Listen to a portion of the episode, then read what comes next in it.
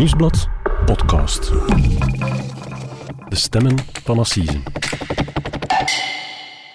Hallo, mijn naam is Mark Klefman, misdaadreporter bij het Nieuwsblad. En ik ben Cedric Lagast, journalist bij diezelfde krant.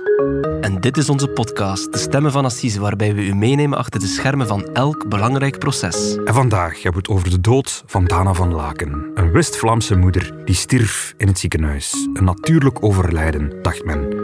Tot een dokter sporen vond van wonderbonen.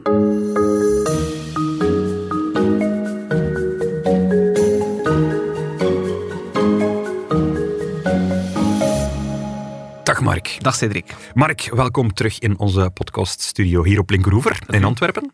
In Brussel loopt ondertussen het, het grote assiseproces over de aanslagen van Zaventem en Maalbeek. Proces van de eeuw. Ja, absoluut. Onze collega Steven de Bok volgt dat voor ons.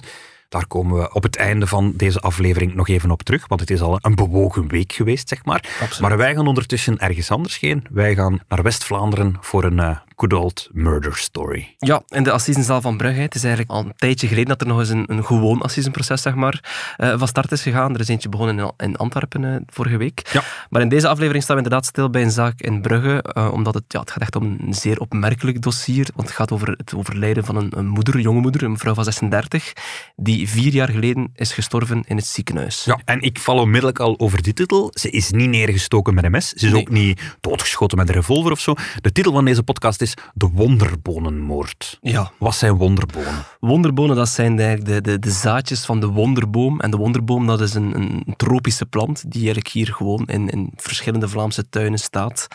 En eh, er zijn sporen van die wonderbonen, een giftige stof, teruggevonden in het bloed van Dana van Laken. Dus ze is vergiftigd en de vraag is, wie heeft het gedaan? Inderdaad.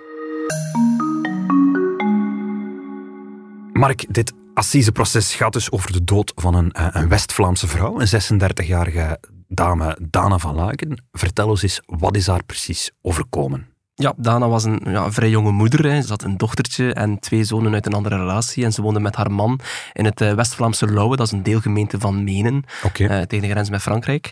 En voor haar dood moeten we eigenlijk terug naar vrijdag 12 oktober 2018, dus een goede vier jaar geleden. En in die periode was, was Dana van Laken ze was erg ziek. Hè. Ze had enorm veel last van maag- en darmklachten. En op een gegeven moment werd dat zo erg dat ze dan ja, die bewuste vrijdag naar de spoeddienst reden, naar het AZ Groeningen ziekenhuis in Kortrijk. Ja. De artsen en de verpleegkundigen hadden onmiddellijk door van dat gaat niet goed met die vrouw. Eh, eigenlijk, een dokter heeft later dan nog verklaard van ja, die vrouw dat was eigenlijk geen mens meer, die was voortdurend aan het overgeven. En haar toestand ging gigantisch snel achteruit die bewuste avond. En dan s'nachts op een gegeven moment eh, kreeg ze een hartstilstand. Hebben ze haar nog proberen te reanimeren, eh, urenlang.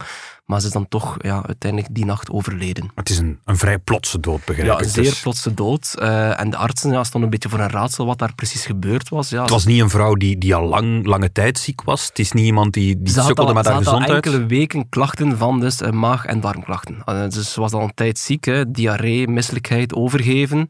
Maar ze had geen voorgeschiedenis of zo. Dus eh, kwam heel onverwacht. Maar als ik het goed begrijp, haar, haar dood werd ook niet onmiddellijk als een verdacht overlijden gezien. Nee, absoluut niet. Eh, men, men, men heeft eigenlijk, ja, daar, daar was ook geen, geen aanwijzing voor. Eigenlijk was dat gewoon een, een natuurlijk overlijden. Zo werd het ook geclasseerd. Maar ja, die, die artsen stelden zich wel vragen, want een vrouw van 36, dat is een jonge leeftijd, die plots zo overlijdt. Daarom is er dan toch besloten om een autopsie op haar lichaam uit te voeren. Het is eigenlijk zo dat haar man, die was daar ook vragende partij voor op dat moment. Die wilde ook weten, van, ja, hoe komt dat nu dat mijn, dat mijn vrouw zo plots overleden is aan wat maag- en darmklachten? En dan hebben ze dan inderdaad een, een autopsie gedaan. Maar uit die resultaten bleek eigenlijk ook niets abnormaals. Dus ja, er was geen verklaarbare doodsoorzaak waarom Dana van Laken precies is overleden. Maar dan wordt het onderzoek wel afgesloten, denk ik. Ja, eigenlijk wel. Dus eh, dat lichaam werd vrijgegeven en die, familie wilde natuurlijk afscheid nemen van haar. Het was eigenlijk haar eigen wens om gecremeerd te worden. Dat is ook gebeurd. Allee, ik herinner me dat nog, die uitvaart. Want ik heb toen nog mensen gesproken van de familie. En dat was blijkbaar een zeer ja, emotionele eh, uitvaartdienst. Eh, Moeder van drie kindjes. de moeder van drie kinderen, ook haar man, die was daar ook enorm aangedaan, overmand door verdriet zelf, zeggen aanwezigen. Ja. En dat was, ja, op het doodsprentje staan er ook treffende woorden eigenlijk. Daar stond er eigenlijk op, ongeloof slaat om ons heen. Veel te vroeg ben je van ons heen gegaan. Eh, waarom? Het antwoord kent geen één, zeiden ze. Ja, het antwoord kent geen één, niemand kent het antwoord. Maar aangezien dat wij hier nu in een podcaststudio zitten en een podcast over een moord maken, vermoed ik dat er toch één iemand is die wel een antwoord gezocht en gevonden heeft. Ja, en dat zit eigenlijk zo. Er was één arts in het ziekenhuis, en, en dat was een dokter die gespecialiseerd was in gastroenterologie. Wat is dat? Dat is, ja, dat, dat, is, dat is een dokter die gespecialiseerd is in de organen van het maag- en darmkanaal. En die had geopperd om een, een specifieke test te doen nog op het lichaam van, van Dana van Laken, een zogenoemde Ricinus-test. En dat was iets helemaal nieuws in die periode. En die Ricinus-test, dat was een test die kon uitsluiten of dat er ja, in het lichaam of in het bloed sporen waren van ricine. En in. ricine is een stof die voornamelijk bekend staat als, ja, als, als vergif. Dat is een heel giftige stof. En ze hebben die test dan gedaan en na een maand waren die resultaten er. En toen bleek dat Tana van Laken wel degelijk positief testte op ricine. Dus, met andere woorden, er zat gif in haar lichaam. Ze was vergiftigd. En dat betekent dus dat ze geen natuurlijk overlijden is gestorven en dat het onderzoek moet heropgestart worden. Ja, absoluut. Dus die arts heeft dan meteen de politie verwittigd. Dus politie en parket zijn dan meteen aan een strafonderzoek begonnen hè, om te kijken wat daar nu eigenlijk aan de hand is. Hè. Ja. Dus eh, er is een onderzoeksrechter op de zaak gezet en die arts is ondervraagd. eh, die stalen zijn natuurlijk opgevraagd.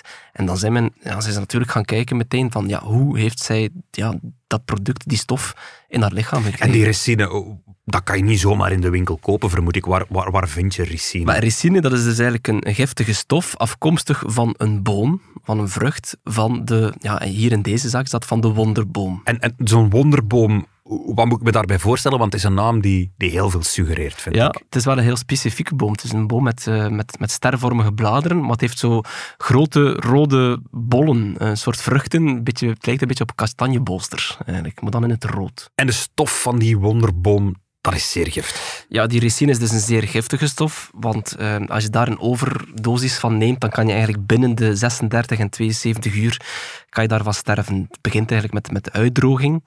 Hè. Dus, eh, we zeiden het al, bij Dana Valak was het ook het geval. Er was, eh, ze moest veel overgeven, diarree en noem maar op.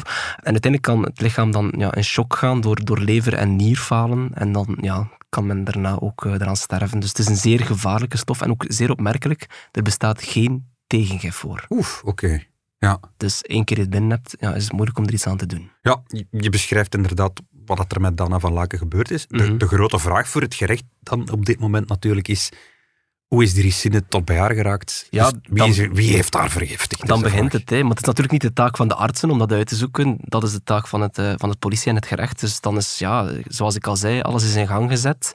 Er wordt een onderzoek gestart en natuurlijk worden er mensen ondervraagd. En de eerste persoon die ondervraagd is, dat is haar man, dat is Pieter Plateo.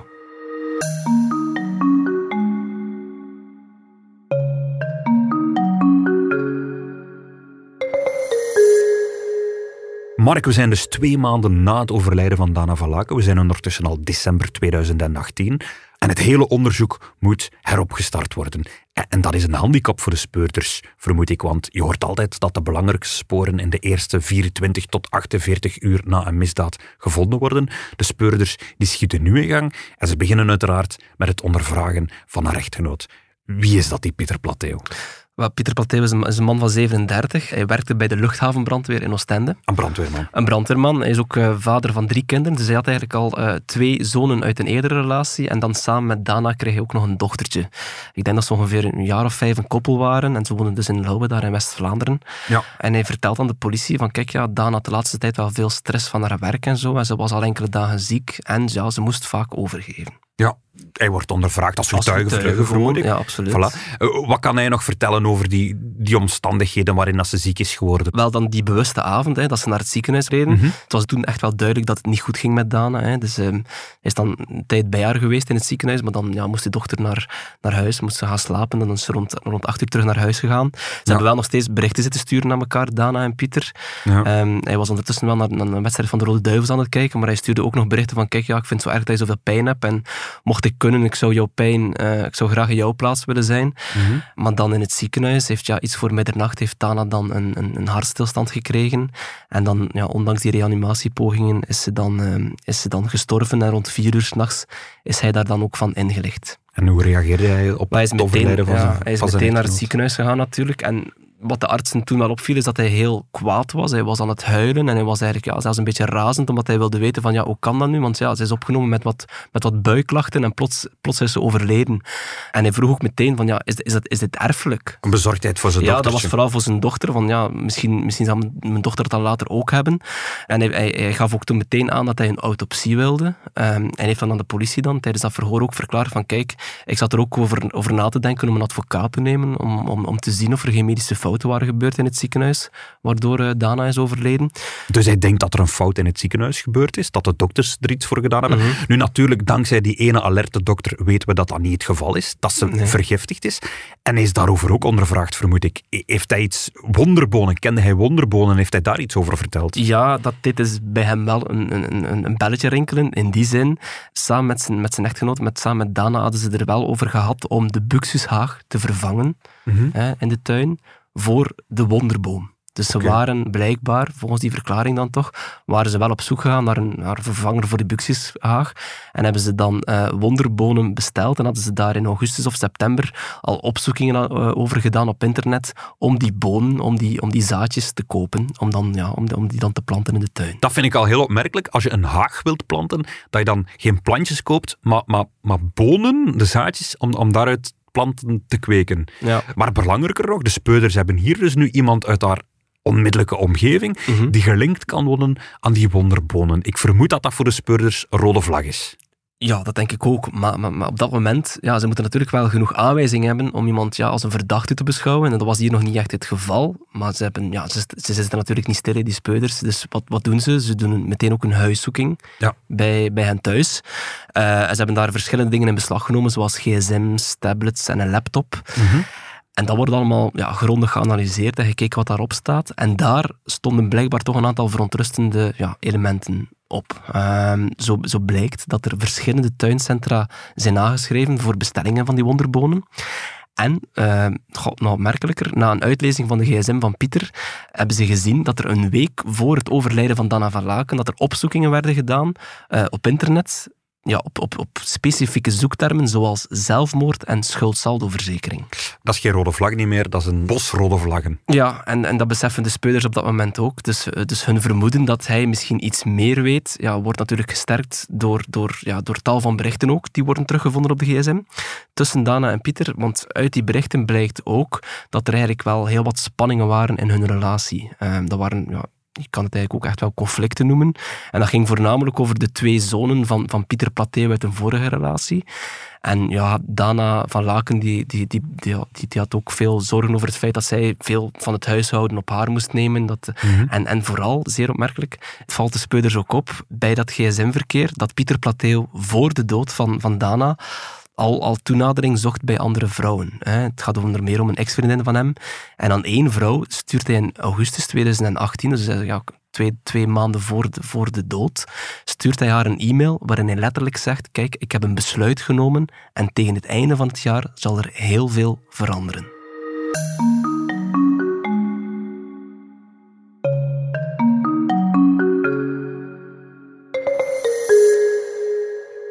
Mark, om samen te vatten, het gerecht voert een onderzoek naar een vrouw die door vergiftiging om het leven is gebracht, door wonderbonen. En ze vinden die wonderbonen bij haar man. En meer nog, als ze zijn, eh, zijn laptop openklappen, zien ze eigenlijk dat hij toch een aantal ehm, verdachte opzoekingen gedaan heeft, onder meer naar haar schuldsaldoverzekering. eh, en, en dat er ook spanningen waren en dat hij zelfs toenadering zoekt tot andere vrouwen. Ik denk dat Pieter Plateo heel wat uitleggen heeft. Ja, misschien nog een kleine anekdote bij dat laatste. Dus, ehm, dus Dana van Laken is dan overleden in oktober 2018. En dan per drie dagen na het overlijden, ehm, en dat terwijl hij dan ja, zogezegd overmand door verdriet was, zocht Pieter Plateo al telefonisch contact ook met, eh, met drie escortdames.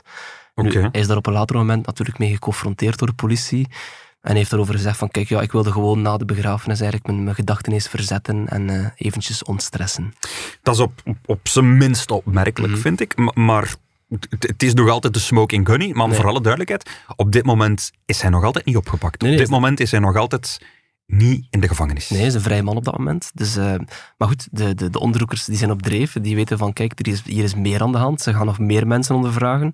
Bijvoorbeeld ook de, de familie van Dana van Laken, hè, de, de moeder en, en, en de zus. Die, die, die, zijn, die zijn langdurig ondervraagd. En zij zeggen van, kijk, ja, Dana die had, het, die had het effectief wel lastig met het, uh, het co-ouderschap uh, met de kinderen van Pieter Plateo, die twee zonen uit een eerdere relatie. Um, en, en frappant erbij, zij zeggen van kijk, na de dood van Dana heeft Pieter ons ervan proberen overtuigen dat zij zichzelf van het leven heeft beroofd door die giftige ricinebonen in te nemen.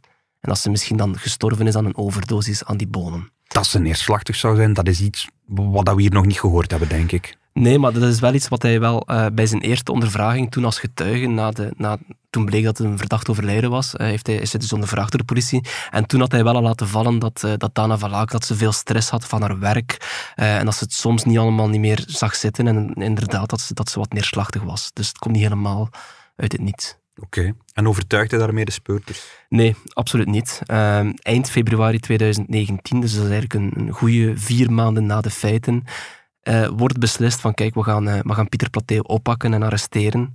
En hij wordt ja, opnieuw met uh, alle bevindingen van het onderzoek geconfronteerd. En, en, en ja, en daaruit blijkt dat hij zijn verklaringen toch wel een beetje moet bijstellen. Zo geeft hij nu bijvoorbeeld toe aan de, aan de onderzoekers dat hij effectief opzoeking heeft gedaan naar ricine. Um, eerst heeft hij verklaard van ja, zij, zij heeft dat gedaan om, om die buxushaag te vervangen. Um, maar hij heeft dus meer verteld, dat, ja, hij heeft een beetje meer toegegeven dat hij dat wel gedaan had. Hij heeft ook gezegd van kijk, uh, ik heb dat gedaan ook op vraag van Dana. Heb ik opzoekingen gedaan naar die wonderbonen, omdat ja, zij speelde met die zelfmoordgedachten. En, en ik wilde wel eens weten wat die, wat die bonen dan waren. Maar hij zegt van kijk, ik dacht nooit dat ze dat echt zou doen. Dat ze daar echt zelfmoord zou mee, proberen plegen. Maar tijdens dit verhoor aan de politie zegt hij van kijk, ik, eh, ik kan enkel bedenken dat zij dan toch ja, buiten mij weten om die zaadjes door haar, door haar eten, door haar yoghurt heeft gedraaid. En haar yoghurt. Nu, wat het, in zijn eerste verhoor heeft hij het over een neerslachtige vrouw. Hier heeft hij het plots over zelfmoordneigingen. Dat is toch nog een, een, ander verhaal. Ja, maar hij zegt veel in dat verhoor. Hij zegt bijvoorbeeld ook van, kijk, ik zag haar graag, ik zou alles voor haar doen, maar ja, Dana die kon ook wel heel explosief zijn en controlerend. En hij geeft inderdaad toe, er waren spanningen in de relatie over, hun twee zonen, eh, over zijn twee zonen dan, de jongste zoon vooral, die volgens hem dan soms ook ja, fysieke straffen kreeg van Dana. En daar werd zij wat ja, over die moeilijke relatie met die zoon. Zou zij het zeer moeilijk gehad hebben, zegt hij. En, en ja, dat zou blijkbaar enorm op haar gewogen hebben. Ja, maar hij, hij, doet dus geen opzoekingen van hoe kan ik mijn vrouw helpen? Hoe kan ik haar bijstaan? Hij doet opzoekingen over wat levert mijn schuldsaldoverzekering mij op? Ja, en daarvan zegt hij dat Dana die opzoekingen heeft gedaan. Hij zegt van kijk, uh, zij heeft dat aanvankelijk gedaan en daarna heb ik het gedaan om haar te controleren. Ik wilde weten hoe dat in elkaar zat. Maar goed, je voelt aan alle kanten dat, dat, dat het rammelt. Mm -hmm. um, dus, dus de onderzoekers beseffen dat ook en zij doen meteen nieuwe huiszoekingen. Opnieuw in de woning in Lauwen, maar ook uh, deze keer in Oostende, bij de luchthavenbrandweer. Daar wordt heel wat in beslag genomen opnieuw. Um, maar daar ja, gaan ze ook gesprekken aan met de collega's van Pieter Plateo. En daar komen ze ook wel een en ander te weten over zijn persoonlijkheid. Want uh, bepaalde collega's, zelfs zijn overste, die omschrijven hem echt als een, als een pathologische leugenaar.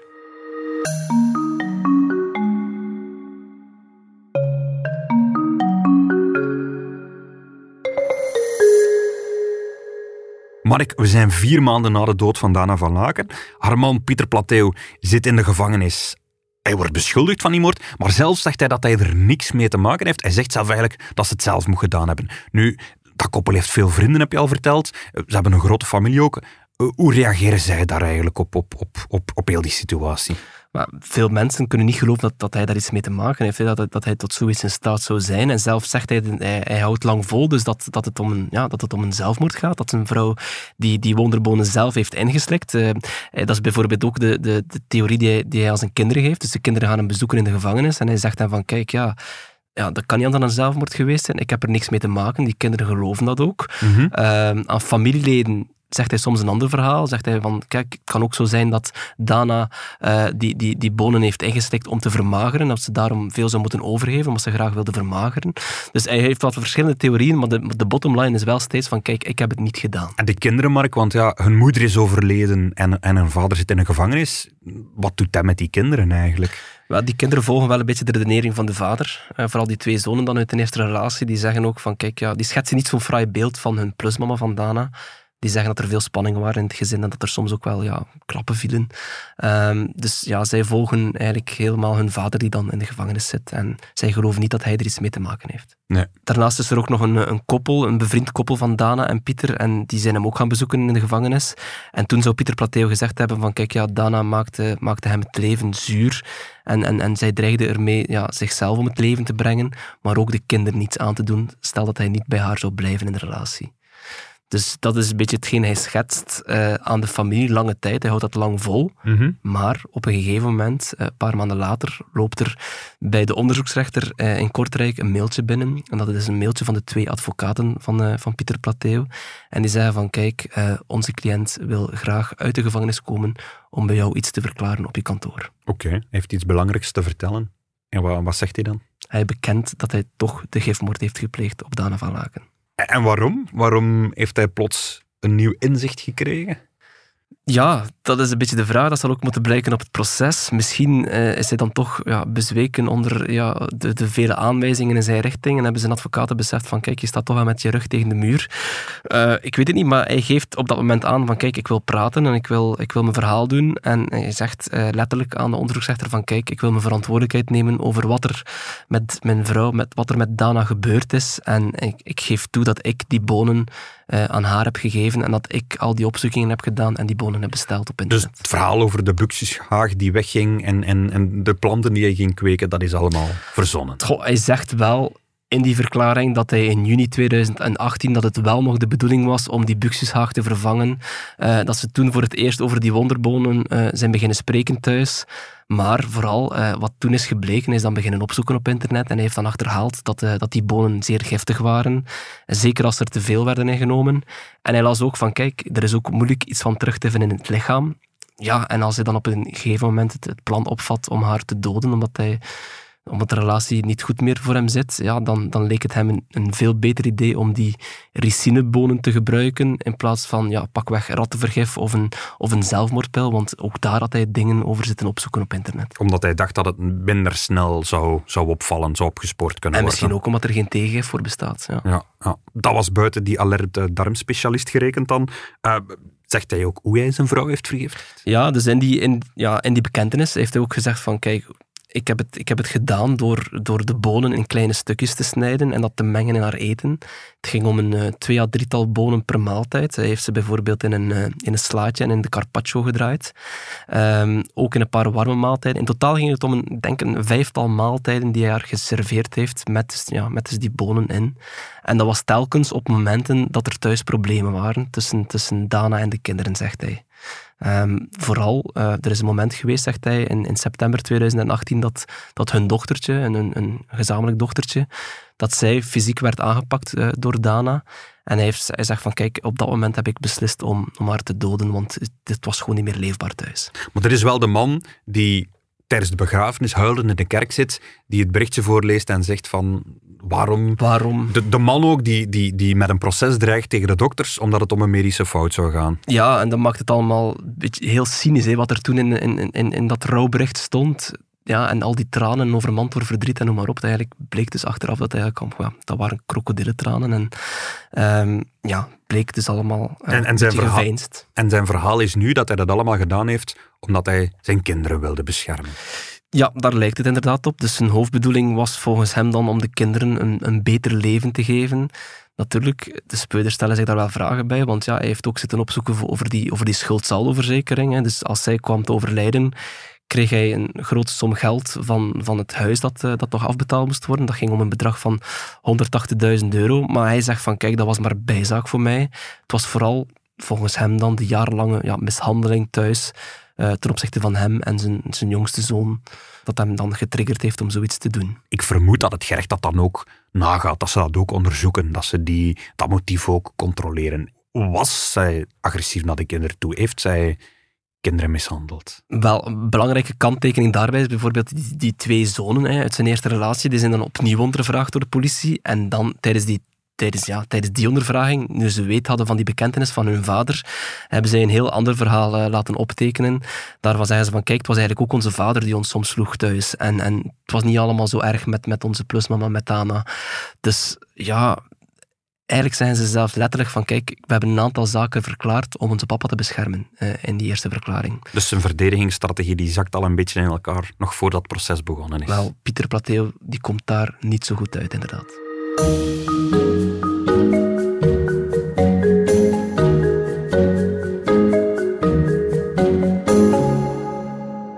Mark, vandaag vrijdag start het assiseproces van Pieter Plateo. Dat is in Brugge, in West-Vlaanderen. Hij moet daar terecht staan op verdenking van gefmoord op zijn vrouw. Jij gaat dat proces volgen, Mark. Ja. Ehm, het gaat een boeiend proces worden, denk ik. Ja, ik denk wel dat het een boeiend proces gaat worden. Ik ben persoonlijk wel benieuwd of hij nog meer gaat vertellen over ja, hoe hij precies bij, bij zijn modus operandi, bij die, ja, bij die gifmoord is uitgekomen, bij die wonderbonen. Ehm, allee, dat blijft toch een opvallend verhaal. En vooral ook om te horen of hij, ja, waarom, hij, ja, waarom heeft hij zo lang gewacht om bekentenissen af te leggen. Dus ik ben wel benieuwd wat hij daar nog allemaal over te vertellen heeft. Het is een proces dat anderhalve week zal duren. Dat is betrekkelijk lang. Dat eigenlijk. is best wel lang en dat komt omdat er heel veel getuigen zijn opgeroepen. Familieleden van hem, uh, familieleden van, van slachtoffer van Dana, maar ook collega's van Pieter Plateo bij de brandweer. Die zullen allemaal een, hun zegje moeten doen om een beetje een, een beeld te schetsen uh, wat voor persoon uh, Pieter Plateo precies is. En waarom zijn er zoveel getuigen opgeroepen? Wat is zo'n beetje de inzet voor het proces? Want ja, hij heeft bekend, hij heeft het gedaan, we weten hoe. Wat blijft er nog over? Maar ja, je ziet het in andere processen, wordt er vaak gediscussieerd. Is er sprake van moord of, of, of doodslag? Is er sprake van voorbedachtheid? Ik denk dat er in deze zaak over de kwalificatie niet zoveel te, te betwisten valt. Hè. Er is heel veel opzoekwerk verricht. Er het is niet per ongeluk een beetje gif nee, in haar het gaat, ja, het gaat om, ja, je, je bestelt de bonen, je, je, je, pelt de bonen, je draait ze door het eten. Dus ja, qua, qua, qua kwalificatie, voorbedachtheid valt daar niet zoveel te betwisten, denk ik. Het enige wat er volgens mij nog in zit voor Pieter Plateu is, is, ja, is, is een lange gevangenisstraf proberen te beperken. Mm -hmm. Want ja, voor moord riskeert hij natuurlijk levenslang. Dus ja, het is de vraag of, of ze daar iets van kunnen afdoen. Een opvallend aspect daarbij, dus tijdens het onderzoek, dus hij had dan de, de, de feiten bekend bij de onderzoeksrechter, dan is hij terug uh, met, uh, met de politiewagen naar de gevangenis gebracht. Ja. En hij heeft toen laten vallen aan twee inspecteurs in die auto van kijk, ja, ik ken een gelijkaardige zaak en de dader is toen na acht of negen jaar celstraf vrijgekomen. Dus okay. hij, hij, probeerde zich daar een beetje aan te spiegelen. Van, en weten we welke zaak dat, dat nee, is? dat weet ik niet. Dat heeft hij ook niet nader, nader verklaard. Maar hij hoopt dus dat hij ermee ja, en kan wegkomen. Tijdens een later moment was er nog... Uh, hij had opnieuw een ondervraging afgelegd bij de politie en dan is hij weer overgebracht naar de gevangenis. En toen is hij ook in de auto opnieuw tegen inspecteurs beginnen vertellen van kijk, ja, ik kan leven met elke gevangenisstraf onder de 20 jaar. Nu goed, het is, de, het, is de, het is de vraag of dat zal lukken. Um, hij zei ook dat hij ging vrij proberen komen met een enkelband in afwachting van zijn assiseproces. En is dat gelukt? Dat is niet gelukt. Hij zit vandaag nog steeds in de gevangenis. Oké. Het is een beetje af te wachten voor hem wat, uh, wat zijn lot zal zijn. Oké, okay, dus de inzet is hij wel zo weinig mogelijk celstraf oplopen. Was, wie zijn de advocaten die hem daarbij zullen, zullen assisteren? Hij heeft drie advocaten, dus dat is ook best veel. Dus, um, um, Elisabeth van Petegem gaat hem bijstaan. Dat is een advocaat die hem vanaf dag één bijstaat, samen met uh, Jan Leijzen, toch een bekende strafpleiter uit Absoluut. Kortrijk. En zij hebben ook nog uh, Chris Vinke onder de arm genomen. Die kennen we hier ook. Dat is een van de bekendste assisepleiters in, in West-Vlaanderen. Dus ze gaan hem met drie verdedigen. Het zijn niet de minste, nee. Waarom heeft hij drie advocaten onder arm? Ja, ik vermoed dat ze er alles aan gaan doen om toch die, ja, om die celstraf een beetje te proberen te beperken. De vraag is of dat lukt. Um, natuurlijk, ja, ik, ik, vraag me af of het mogelijk zal zijn om zeer veel verstachtende omstandigheden te pleiten als je je vrouw ja, op, op zo'n manier om het leven brengt. Dat is, het is vrij ongezien, dus ja, we zullen zien. En wat zouden verzachtende omstandigheden kunnen zijn waardoor dat de straf... Wel, bijvoorbeeld, zoals we zeiden, nee, dat hij het deed om zijn kinderen te beschermen. Dat zou misschien een verzachtende omstandigheid kunnen zijn. Ja. Maar het is de vraag of de jury daar, uh, daarin meegaat. Ja, wie treedt er op voor de nabestaanden, Mark? Voor de nabestaanden treedt uh, niemand minder dan Jeff Vermassen op. Oké. Okay. Ja, dus uh, die staat de moeder en de zus van uh, Dana van Laken bij. En hij gaat dat samen doen met zijn medewerker Steffen Schelling. Oké. Okay. En voor de volledigheid, wie is de aanklager en wie is de voorzitter in dit proces? De aanklager is Maarten Ampe, dat is een, een magistraat in Kortrijk. Het is een eerste assisezaak. En uh, Pascal Klauw, die in het verleden ook al een zestal keer aanklager was, die maakt nu haar debuut als assisevoorzitter. Dus ja, goed, dat is ook iets om, om naar uit te kijken. Oké. Okay. Mark, heel erg bedankt om de zaak voor ons hier te komen toelichten in, in onze podcaststudio. Graag gedaan. Jij gaat de zaak ook volgen. Jij gaat het proces volgen in Brugge. Ja, absoluut. Wij kunnen allemaal uh, volgen via de website, via de krant en via onze Instagram-pagina uiteraard wat er allemaal gebeurt. Jij brengt daar voor ons verslag van uit, van alle belangrijke momenten op het proces. En zoals gezegd, keren we nog even terug naar de Assisezaal in Brussel, waar het assiseproces over de aanslagen op Zaventem en Maalbeek loopt Onze collega Steven de Bok volgt die zaak en we hadden daar het volgende gesprek over. Dag Steven. Dag Cedric. Steven, je hebt nu een week lang tegenover Slans meest gereputeerde terroristen gezeten, zeg maar. Inderdaad. Uh, welke indruk hebben ze op jou gemaakt? Wel, vreemd genoeg misschien, maar een heel ontspannen indruk. Het is een hele week eh, een proces van incidenten geweest. Van s morgens terroristen die opstaan of beschuldigden die opstaan en die kabaal maken, die zich beklagen over de behandeling die ze kregen. En dan zou je denken dat die mensen onder de indruk zijn, maar als je dan naar die beschuldigden kijkt in de loop van de dag, dan zitten ze de hele dag rustig te keuvelen. Echt gespannen zien ze er niet uit. Ik had de indruk dat het deze week vooral ging over de manier waarop dat ze behandeld worden. Wel, dat is alleszins het thema dat de beschuldigden zelf graag willen aankaarten. Ze klagen over de manier waarop ze opgesloten worden en de manier waarop ze worden vervoerd van de gevangenis naar de rechtszaal en weer terug. Dat gebeurt met luide muziek, dat gebeurt met een, een skibril die geblindeerd is, omdat de politiediensten hen willen desoriënteren, omdat ze worden ingeschat als zeer gevaarlijk. Ja. En ze moeten ook elke ochtend, als ze uit hun cel worden gehaald, een naaktvoeie ondergaan. Dat betekent, ze moeten zich uitkleden en ze moeten dan door de knieën gaan om te kijken of ze in hun lichaam holdes niks hebben verstopt. En ze vinden dat vernederend, mensonterend en ze willen daarvan af. En om daartegen te protesteren, willen ze niet in de rechtszaal zitten. Ze zeggen, als het zo zit, als wij zo behandeld worden, dan willen wij er niet zijn, dan willen wij de zittingen niet bijwonen. Kan dat eigenlijk zomaar, dat ze beslissen om niet aanwezig te zijn op een proces? Wel, dat kan. Dat hoeft ook geen invloed te hebben op het proces, zolang ze vertegenwoordigd blijven door een advocaat. Als een advocaat in de rechtszaal zit, is het goed, dan kan de zitting gewoon doorgaan. Wat niet kan, is ze kunnen niet in de gevangenis blijven. De voorzitter heeft duidelijk gezegd van, je wordt uit de gevangenis gehaald en naar hier gebracht. Maar of ze dan ook in de zittingzaal zitten, dat is iets anders. Ze kunnen ook ervoor kiezen om in het cachot onder de justitiezaal te gaan zitten. En hoe reageren de burgerlijke partijen eigenlijk in de zaal? Verdeeld. Uh, voor de burgerlijke partijen is eigenlijk maar één ding belangrijk. Die willen op dit proces een soort van eindpunt van hun lijden vinden. Sommigen willen dat doen door die terroristen in de ogen te kijken. Anderen willen gewoon hun verhaal vertellen. Nog anderen willen gewoon de kans krijgen om te vertellen wie de persoon die ze verloren zijn allemaal was. Maar daarvoor moeten die mannen natuurlijk wel in die glazen box zitten. Ja. En nu ziet het er naar uit dat die burgerlijke partijen aan het woord gaan komen zonder beschuldigden in de glazen box. En je hebt dan twee grote groepen binnen de burgerlijke partijen. Je hebt een deel die vindt dat justitie dat maar moet oplossen, dat dat een fout is van justitie en dat zij dat moet oplossen. En je hebt een deel die vindt dat het de schuld is van die beschuldigden zelf en dat die niet te veel moeten zagen. Het proces werd in september nog uitgesteld, na die lange discussie over de glazen boksen. De nieuwe exemplaren die zijn dus wel aanvaard. Is er eigenlijk een groot verschil? Maar het is veel luchtiger. Die eerste glazen box, dat waren eigenlijk acht of negen kleine glazen kottekens naast elkaar met scheidingswanden tussen. Nu is dat één grote glazen box, veel uh, ruimer, veel meer gevoel van ruimte alleszins. En er zijn uitsparingen in dat veiligheidsglas, zodat die beschuldigden beter kunnen praten met hun advocaten. Dat ziet er, naar mijn aanvoelen, beter uit. De beschuldigden zelf zijn nog niet aan het woord geweest. Normaal begint elk assiseproces met het verhoren van de beschuldigde door de voorzitter. Maar hier is de voorzitter daar nog niet aan toegekomen, omdat de aanklager eigenlijk die ellenlange akte van beschuldiging moest voorlezen. Nu, elke assisezaak begint met de voorlezing van de akte. Mm -hmm. Meestal is dat ongeveer 50 bladzijden, iets in die, in die aard. Hier is dat een akte van bijna 500 bladzijden. Die moet helemaal worden voorgelezen, want een uh, assiseprocedure is een mondelinge procedure. En 500 pagina's ingewikkelde tekst met heel veel details voorlezen, dat duurt gewoon heel lang. Men had gehoopt dat op drie dagen te kunnen klaren, maar het zal nu waarschijnlijk vijf dagen ja. duren. Bij aanvang was gezegd dat het proces zes tot negen maanden zou duren. Uh, wanneer schat jij dat dit proces de eindmeet zal halen? De vraag is of dit proces ooit een eindmeet haalt. Er kan heel veel misgaan. Er kunnen juryleden verdwijnen, te veel juryleden verdwijnen, zodat er niet genoeg meer overblijven. Er kan een eindeloze procedureslag gevoerd worden, waardoor alles verzandt. En we hebben nu al vertraging. We hebben nu na vier dagen al twee dagen vertraging. De voorzitter blijft dan positief en zegt van ja, ik heb een beetje veiligheidsmarge genomen.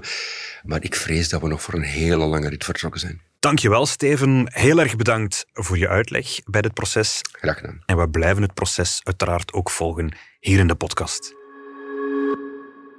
Rest mij alleen nog om de luisteraar te bedanken. Dankjewel allemaal om met zoveel elke week opnieuw naar de stemmen van Assise te luisteren. Volgende week zijn we er weer met een nieuwe aflevering van deze podcast. Tot volgende week. Dit was De Stemmen van Assisen, een podcast van het Nieuwsblad. De stemmen waren deze week van Mark Liftman en van mezelf, Cedric Lagast. De montage gebeurde door Benjamin Hertogs van House of Media en de productie was in goede handen bij Joni Keimolen en Bert Heijvaart.